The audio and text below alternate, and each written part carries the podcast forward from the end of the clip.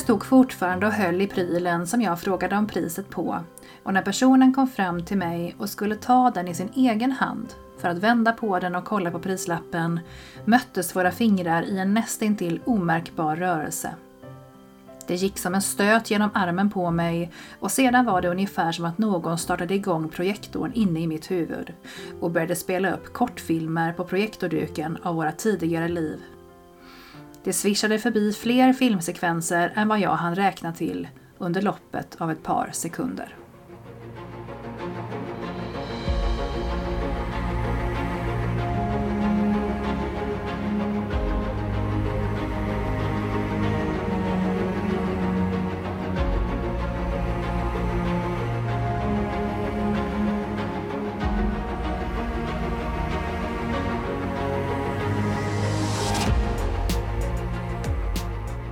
Varmt välkomna till vår podd Magiska möten. Här delar vi med oss av våra upplevelser till er lyssnare genom att berätta om spännande och på olika sätt känslomässiga möten som vi genom åren haft med det övernaturliga. Sedan man var liten har man fått lära sig att sanningen endast kan bevisas genom fysisk existens. Men i den här podden släpper vi logiken och låter känslorna och intuitionen leda oss rätt. Vi heter Caroline och Mikaela och ska ta med er på vår resa in i det okända. Nu börjar Magiska möten.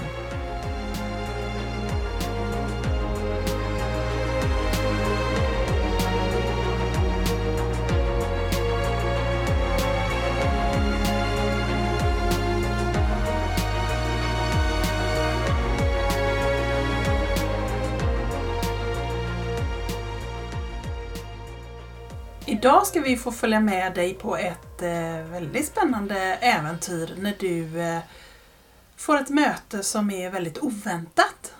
Precis, och då ska man bjuda på kaffe har jag förstått. Ja, det gjorde du inte tror jag. Nej, det gjorde jag inte. Jag blev väldigt överrumplad av hela situationen. Eh, jag träffade en person för första gången och det kändes som att vi hade träffats förut. Det förstod man på introduktionen i den här i det här avsnittet också att eh, någonting hände när vi möttes och när vi rörde vid varandra. Jag fick minnen av eh, svunna tider och en relation som jag har levt för länge sedan. Mm, och det är så spännande när man får de här mötena för, för det är ofta så när man, eh, när man börjar någon form av andlig resa att man eh, börjar möta personer från sitt förflutna och då menar jag inte bara sitt förflutna i detta livet utan även i andra liv. Mm. Jättespännande. Man öppnar liksom upp den dörren på något vis. Ja men precis. Och på något sätt så kommer vi ju prata lite extra om just kosmiska band idag. När Mm. ni har fått eh, lov att lyssna på min story som heter Främling vid första ögonkastet.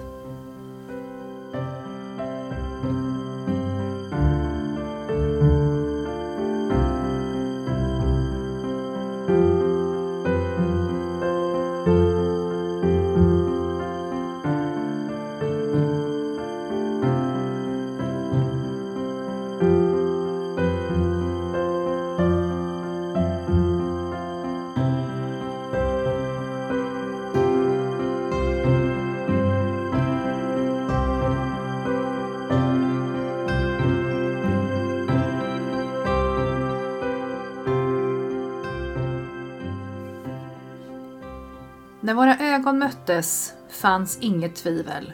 Vi hade träffats förut. Någon gång, någonstans. Men var? Jag blinkade till och var tvungen att fästa blicken på något annat en liten stund. Den lilla butiken jag gått in i var fullproppad av grejer från golv till tak. Vilket kändes lyckosamt så att jag hade möjlighet att vila blicken mot butikshyllorna utan att det kändes konstigt. Jag sneglade försiktigt tillbaka på den person som jag för första gången träffade, men vars ögon berättade för mig att vi kände varandra.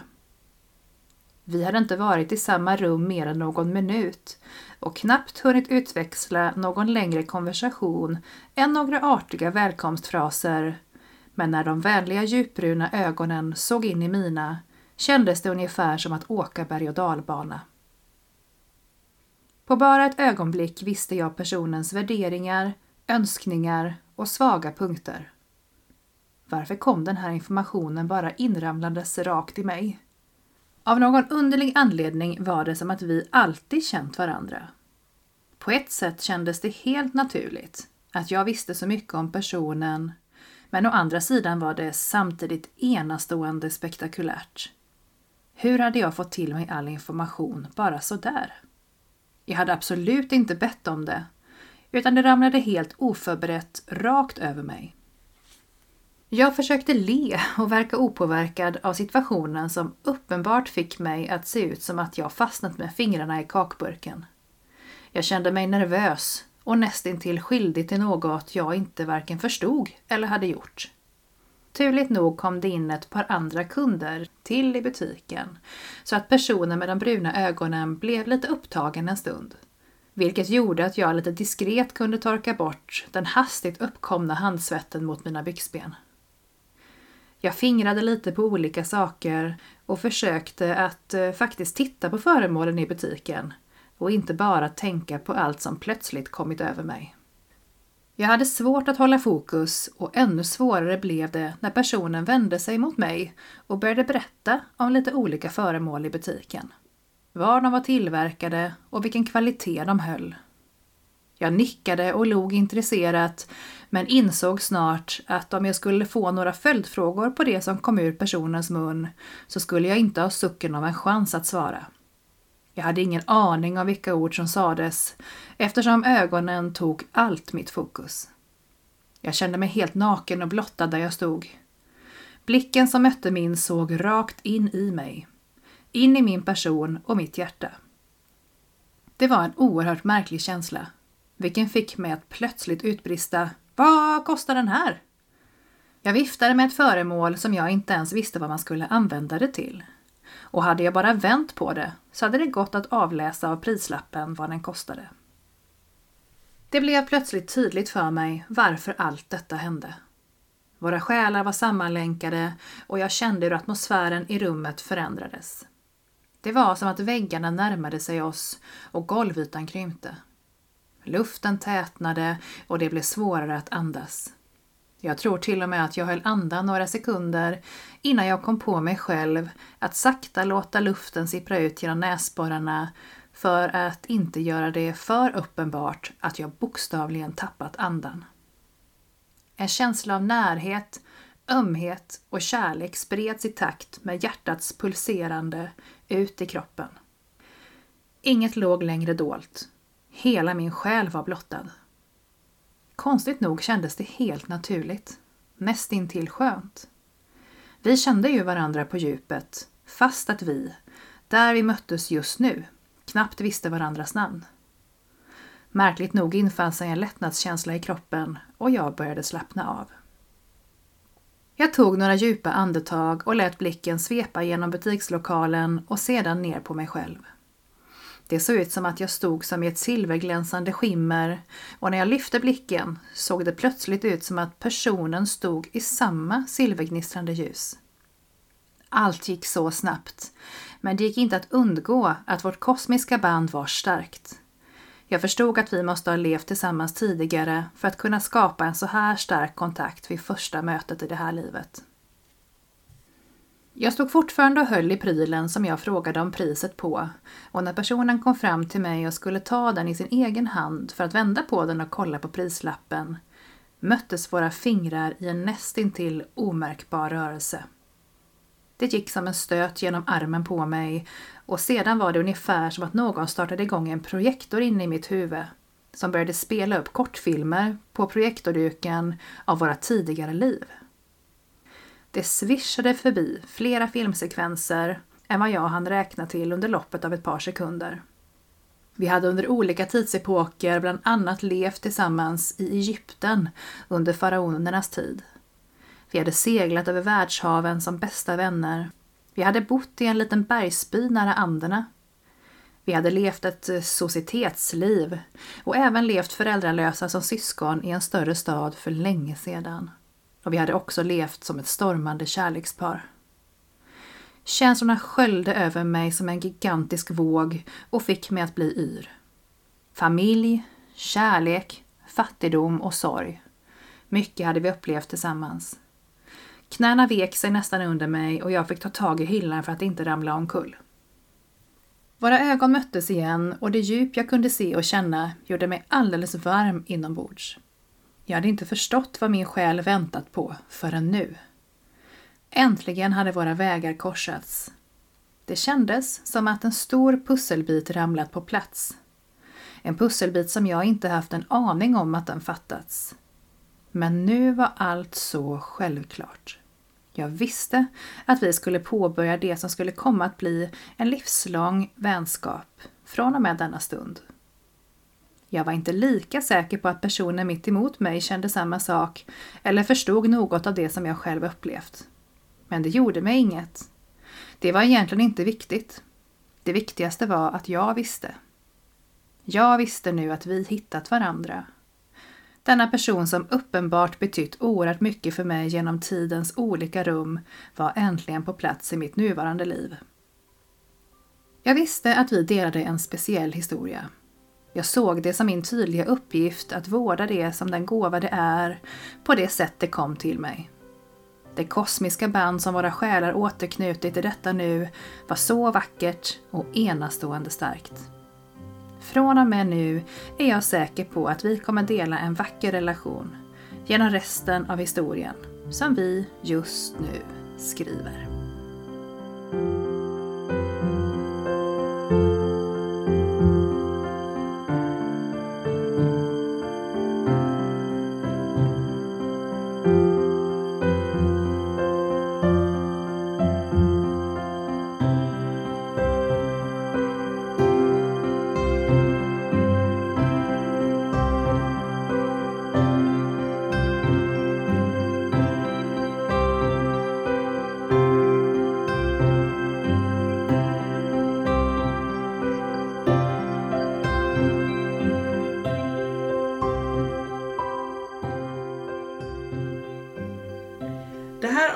Avsnittet är ju spännande på jättemånga olika sätt och jag tänker att eh, det här måste ju vara en av dina första möten med en karmisk relation eller ett karmiskt öde eller vad man ska säga.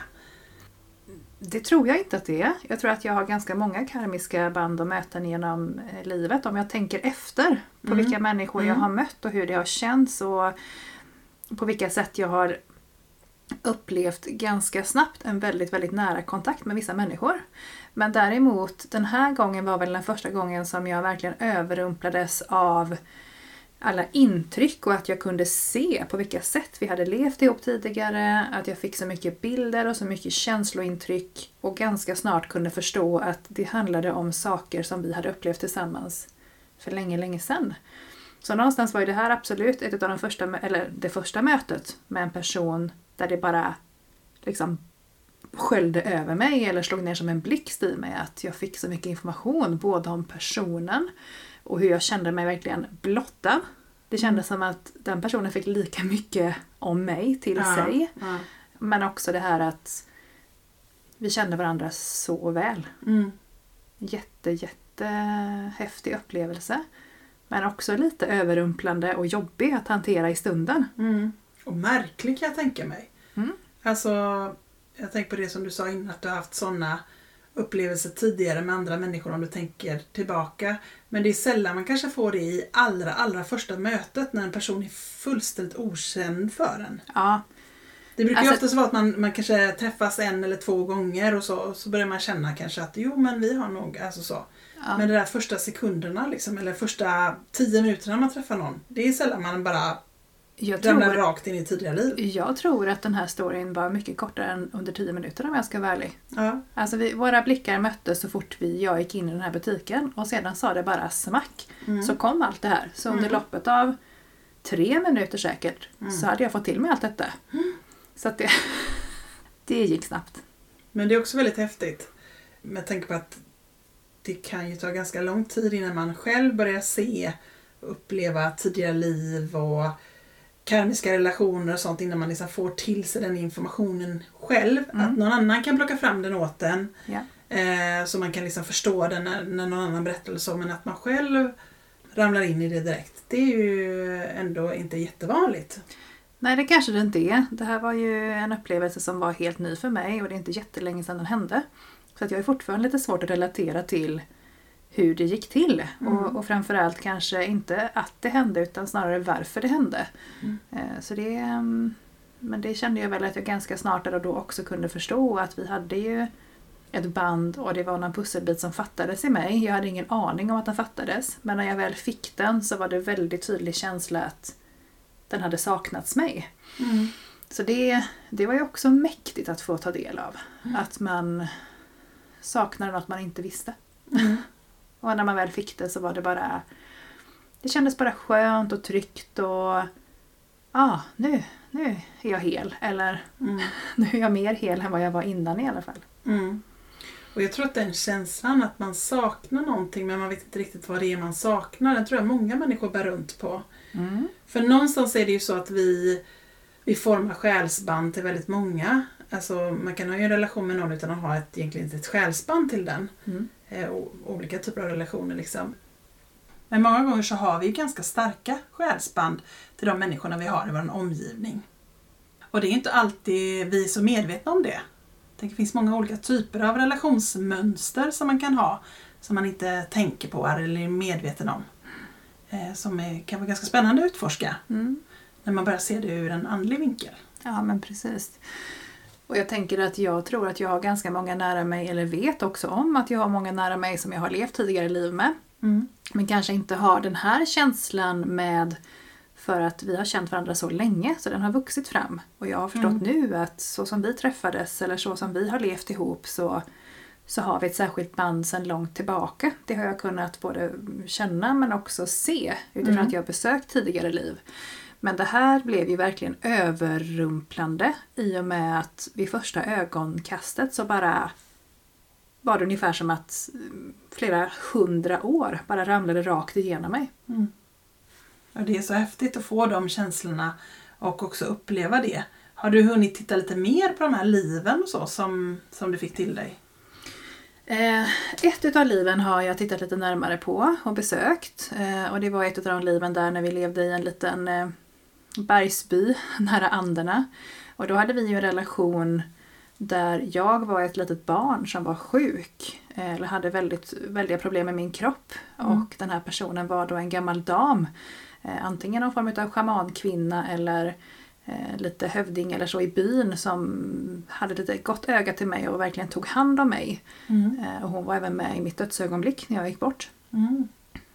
Så att det var ju också en speciell relation. Mm. Så vi har ju också levt, har jag förstått, i väldigt många olika konstellationer. Mm. Eh, inte bara som syskon eller som eh, älskare eller eh, i kärleksrelationer utan i, i familjenära relationer eller haft relationer utanför familjen till och med. Som Mm. i det livet jag djupdök lite grann i. Mm. Så att eh, vi har haft många olika relationer genom, genom tiden. Mm. Det är ju fantastiskt att få lov att uppleva det här och det är ju kanske inte alla som, som får det eller gör det men vi formar ju de här själsliga banden när vi är på den andra sidan kan man säga. Vi har ju våra själsfamiljer där vi är ett antal själar som bestämmer oss för att göra den här resan tillsammans, att reinkarneras och komma hit till jorden och uppleva olika typer av relationsmönster och sen i nästa liv så upplever vi andra typer av relationsmönster. Men på något sätt att man hjälper varandra på varandras resa lite grann. Precis. Och det som blev väldigt tydligt för mig var ju att det här var kanske inte viktigt att den här andra personen fick till sig eller visste om.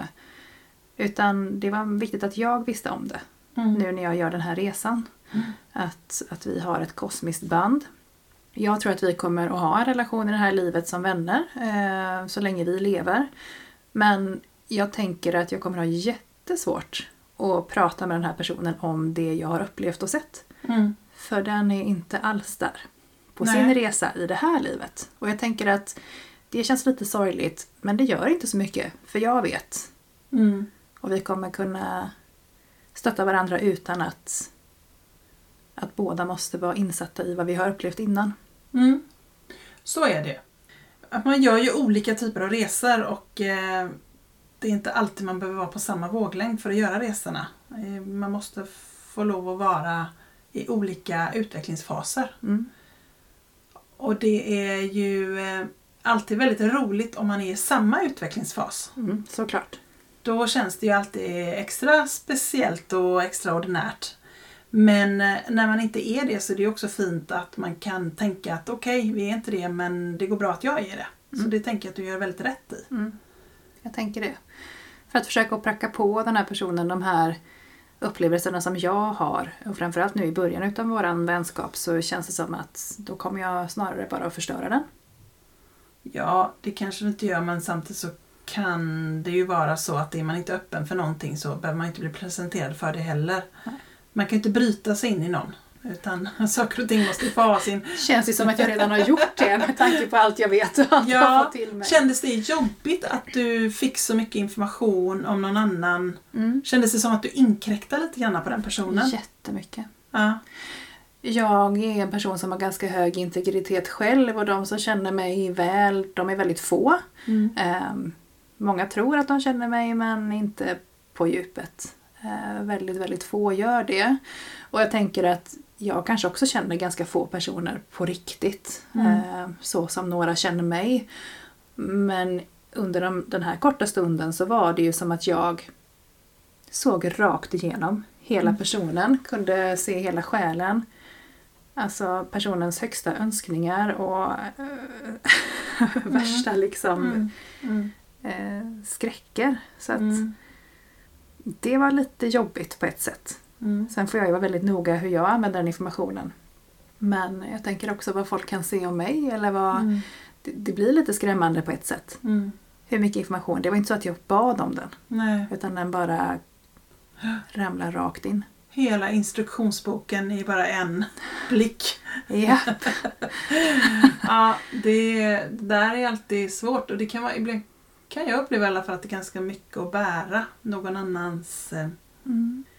någons annan, annans hemligheter och innersta önskningar och liv och upplevelser. Mm. För jag känner ju inte att jag hade velat dela med mig av det till en främling. Som Nej. bara fick all, eller hela min instruktionsbok Nej, precis. eh, rätt i handen. För det fick jag verkligen. Mm.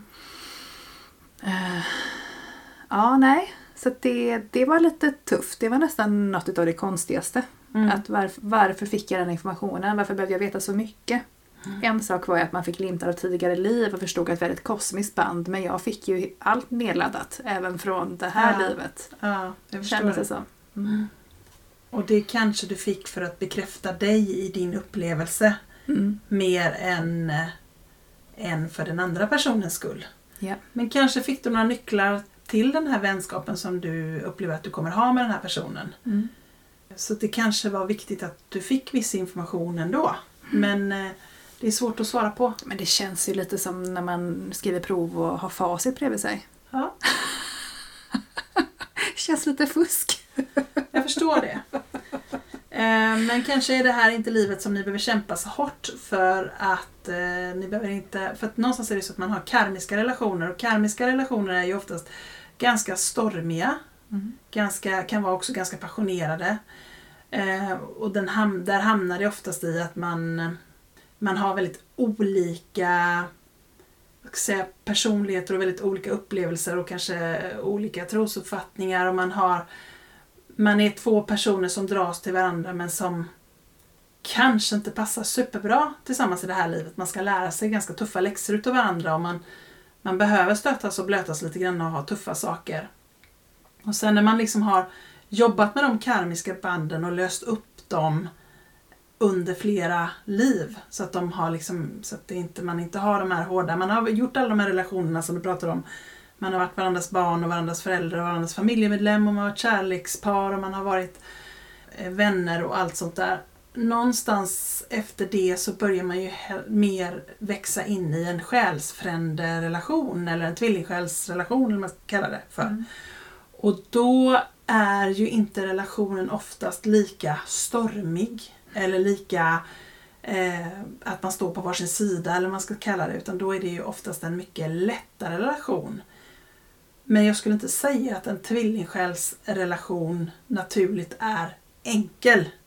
det är någonting man jobbar ganska hårt med. Mm. Det är inte så att man, att man ramlar ner här och så man, man, träffar man sin tvillingsjäl och så har man inga svårigheter i det livet. Så är det definitivt inte.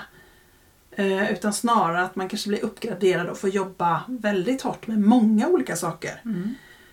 Eh, så många längtar ju verkligen efter att träffa sin tvillingsjäl och jag kan känna att mm, mm, skönt kanske inte göra det. Slippa det i detta livet. Ja, ibland kanske man behöver vara, vissa liv kanske man behöver vara förskonad från det. Mm. Eh, för just att man har så många kanske andra karmiska relationer som man jobbar med och försöker eh, få rätt sida på. Men du tänker att det också sliter en del i, i det livet man lever? Om man lever med för många karmiska relationer samtidigt? Det upplever jag att det gör. Mm. Jag upplever att ehm, man får jobba ganska hårt i sina karmiska relationer. Mm. Och det krävs väldigt mycket, vad ska jag säga, soul searching, liksom att man går, att man går in i sig själv och verkligen både, både hittar sig själv och sin inre kärna, men även att den andra gör det. Problemet är ju många gånger att en kanske gör den resan, men den andra inte gör den resan. Och då reser man ifrån varandra och inte mot varandra. Mm. För så är det ju i i många, om man bara tittar rent, om man inte tittar andligt på det, men i många relationer. att Kanske finns det en i relationen som vill utvecklas och hitta på saker och göra saker medan den andra vill kanske mer stå still.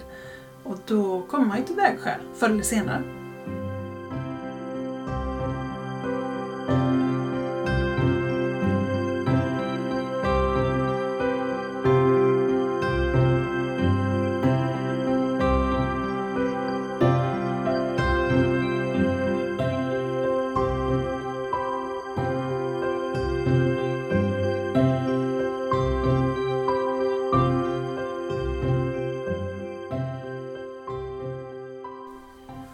Var det här en väldigt speciell och ny upplevelse att man snuddar vid någon eller tar i någon och helt plötsligt så öppnas en hel biograf in i huvudet och det bara spelas upp liksom eh, massa filmer på en duk. Ja, Du känner igen dig? ja. det har hänt. Det har hänt. Och det här har ju uppenbarligen hänt mig också nu. Och eh, Jag vet inte riktigt hur jag känner inför det. Jag blir lite sådär nästan osäker på hur mycket jag ska våga ta i folk efter. För ska det hända varje gång jag går och träffar okända människor på stan och råkar komma nära någon så har ju jag att göra. Ja, det är många instruktionsböcker du laddar ner liksom. Precis. Hårddisken blir full fort.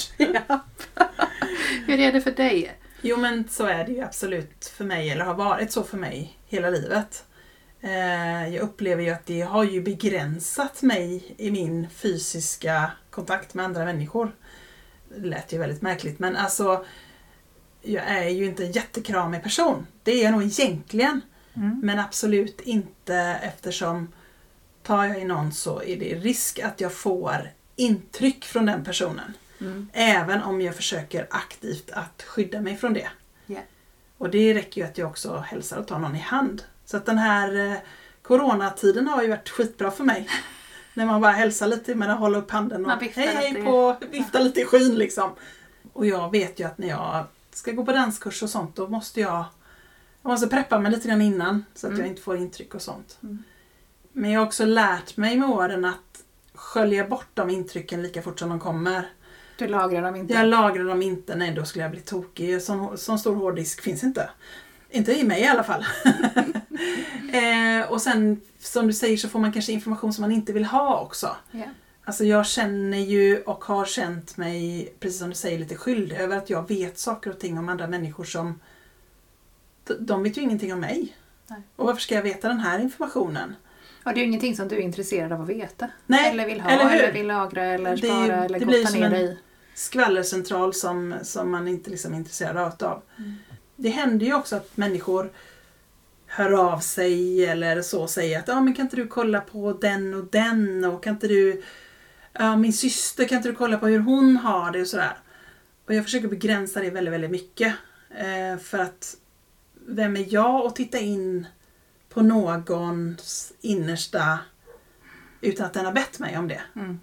Det är skillnad om någon kommer och vill ha en sittning hos mig och vill veta saker och ting. Då kan jag ju plocka fram det. Mm.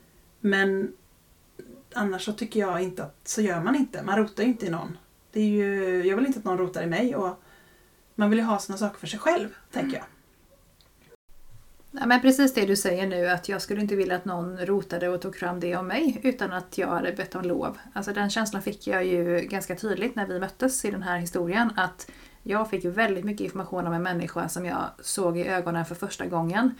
Och det kändes ju som att jag blev också helt blottad. Att det var helt öppet för den personen att titta in i mig. Mm. Sen upplevde inte jag att den personen gjorde det eller fick samma information till sig eller att det blev åt samma håll. Och det kanske det känns skönare att Ja. vi möttes på samma villkor Ja. än att jag fick hela manualen Mm. till dig men du såg inget av mig. Eh, det var öppet men, Mm. men informationen gick aldrig över. Så var min känsla. Men det, mm, det är Jag- speciellt. Jag kan ju relatera till det för att jag har ju haft den upplevelsen när man får varsin varandras instruktionsbok. Oh, Och det är en mycket trevligare upplevelse när man känner att, alltså det är ju inte så roligt kanske att blotta sig för en helt främling, men när man ändå känner att det landar i den andra.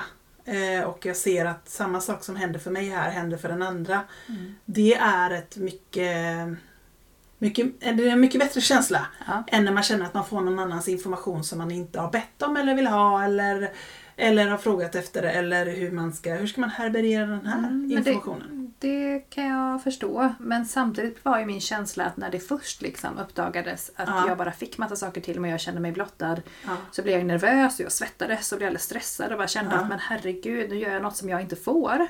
Men efter en stund så landade det också i mig att det var, det var meningen, det skulle bara vara så. Och jag blev ju också väldigt, väldigt lugn och trygg och kände att. Det är okej. Ja. Alltså det känns, jag behöver inte vara orolig för Nej. även om informationen skulle landa i den andra så, så är det okej. Så att även om det var lite tudelad känsla så gick jag ändå därifrån och kände mig lugn och trygg att den informationen jag har fått den är också säker hos mig. ja. Och det är nog viktigt. Mm. Eh, för att jag tänker, du hade inte fått den om inte du hade kunnat förvalta den, tänker jag. Nej. Jag tror att när jag började få den typen av information så var jag lite för ung för det. Okej. Och det var väl liksom kanske också att jag ja, med, med ett barns nyfikenhet kanske inte heller förstår all information man får till sig. Nej. Eller vidden utav den informationen eller hur den kan påverka många människor. Det kanske inte är självklart att man förstår när man är ganska liten. Vad tänker du på för typ av information då? Som kunde komma till dig som du inte riktigt förstod eller? Nej men till exempel så tog jag en person i handen och såg att den hade en affär tillsammans med en granne. Mm. Det är ju en information som jag varken ville ha eller eh, så och kanske var lite för ung för att förstå Mm. vidden utav Ja. också. Nu outar inte jag det på något sätt men det skulle jag ju lika gärna kunnat göra som ett barn som säger något olämpligt på ett kalas eller vad. Ja, eller sådär. Så sådana saker tänker jag har jag ju liksom bett om att slippa få den typen av information och det får jag väldigt, väldigt sällan. Ja. Men någon gång när jag liksom är lite ouppmärksam i mötet med andra så kan det slinka igenom information som jag inte vill ha. Mm. Men hur gör, du det, hur gör du då för att skydda dig från det? Sätter du upp någon form av barriär eller bara du sätter en Ja, intention? Jag sätter eller? en intention Mm. eh, och jag har alltid en intention när jag jobbar med någon eller något.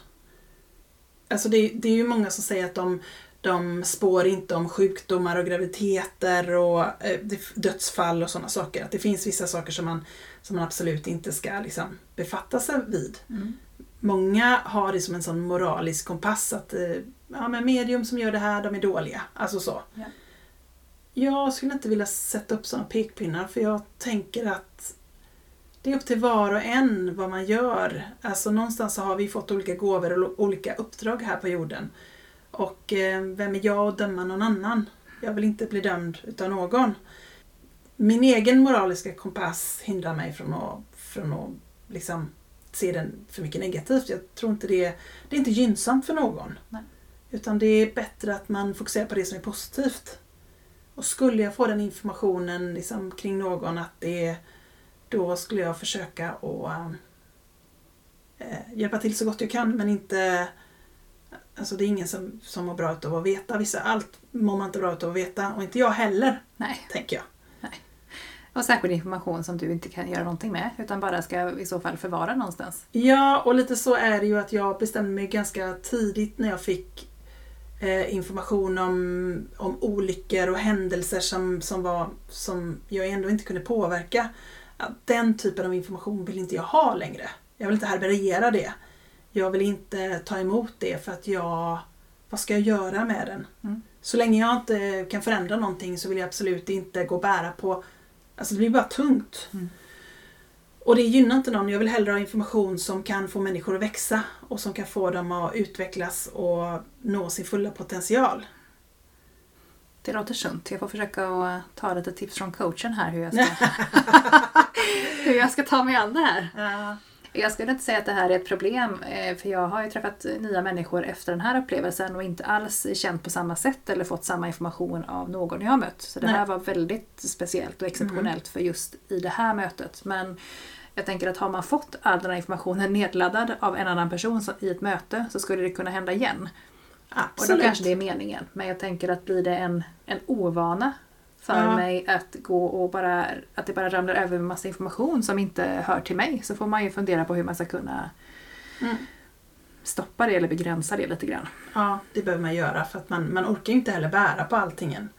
Det blir ju som sagt fullt i hårddisken, det går inte. Nej. Det, det, och det är ju ingen idé att gå och bära på saker som man inte, som inte har någon nytta av heller. Nej, men jag tänker även om man inte får bilder i sig eller information till sig som är ganska konkret och faktisk så är det ju väldigt många människor som jag pratar med dagligdags som tycker att det är tröttande att möta för mycket andra människor. För Absolut. att man får så mycket intryck bara av att titta på andra människor, känna av andra människor och energiutbytet däremellan trött, är tröttande.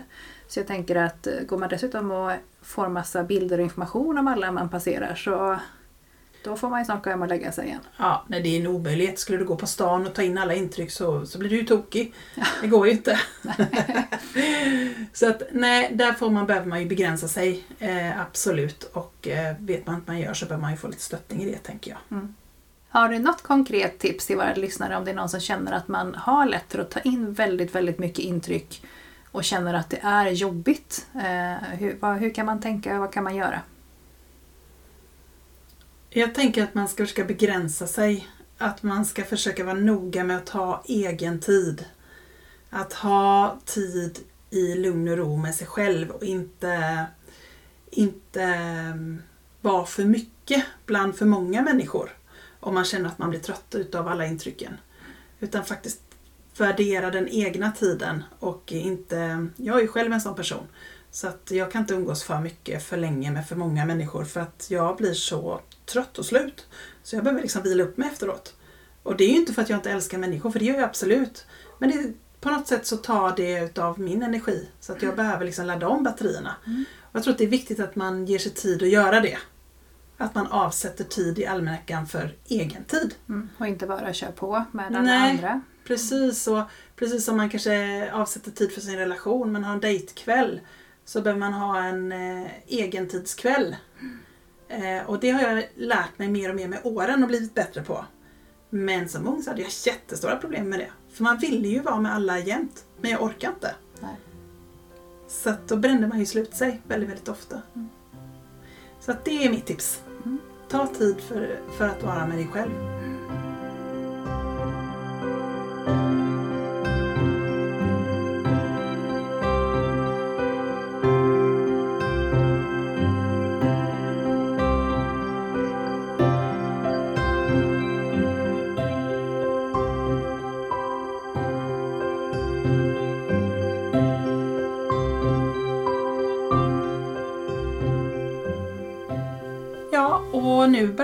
för oss att knyta ihop säcken och tacka för oss med det här avsnittet. Och som vanligt så blir vi jätteglada om ni vill följa oss på Instagram. Eller om ni vill följa min sida så kan ni göra det på Facebook under Magiska möten. Absolut. Och jag tänker att eh, eftersom det här, eh, jag har ju utlovat en, en livslång vänskap så jag får väl återkoppla hur det går framåt här i, i Ja, den här nyvunna relationen. det tänker jag. Vi, vi tar en, en uppföljning här om tre år och ser. Om tre år blir bra. Om vi fortfarande har kontakt eller Ja. om, om den är bruten igen. Precis. Mm. Ja, men absolut. Eh, tack snälla för att ni har lyssnat. Eh, vi hörs igen. Tack för idag. Hej då!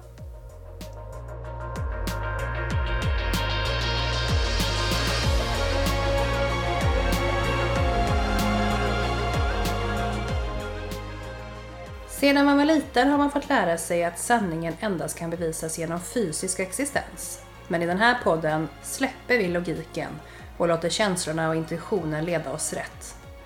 Tack för att ni har lyssnat på Magiska möten.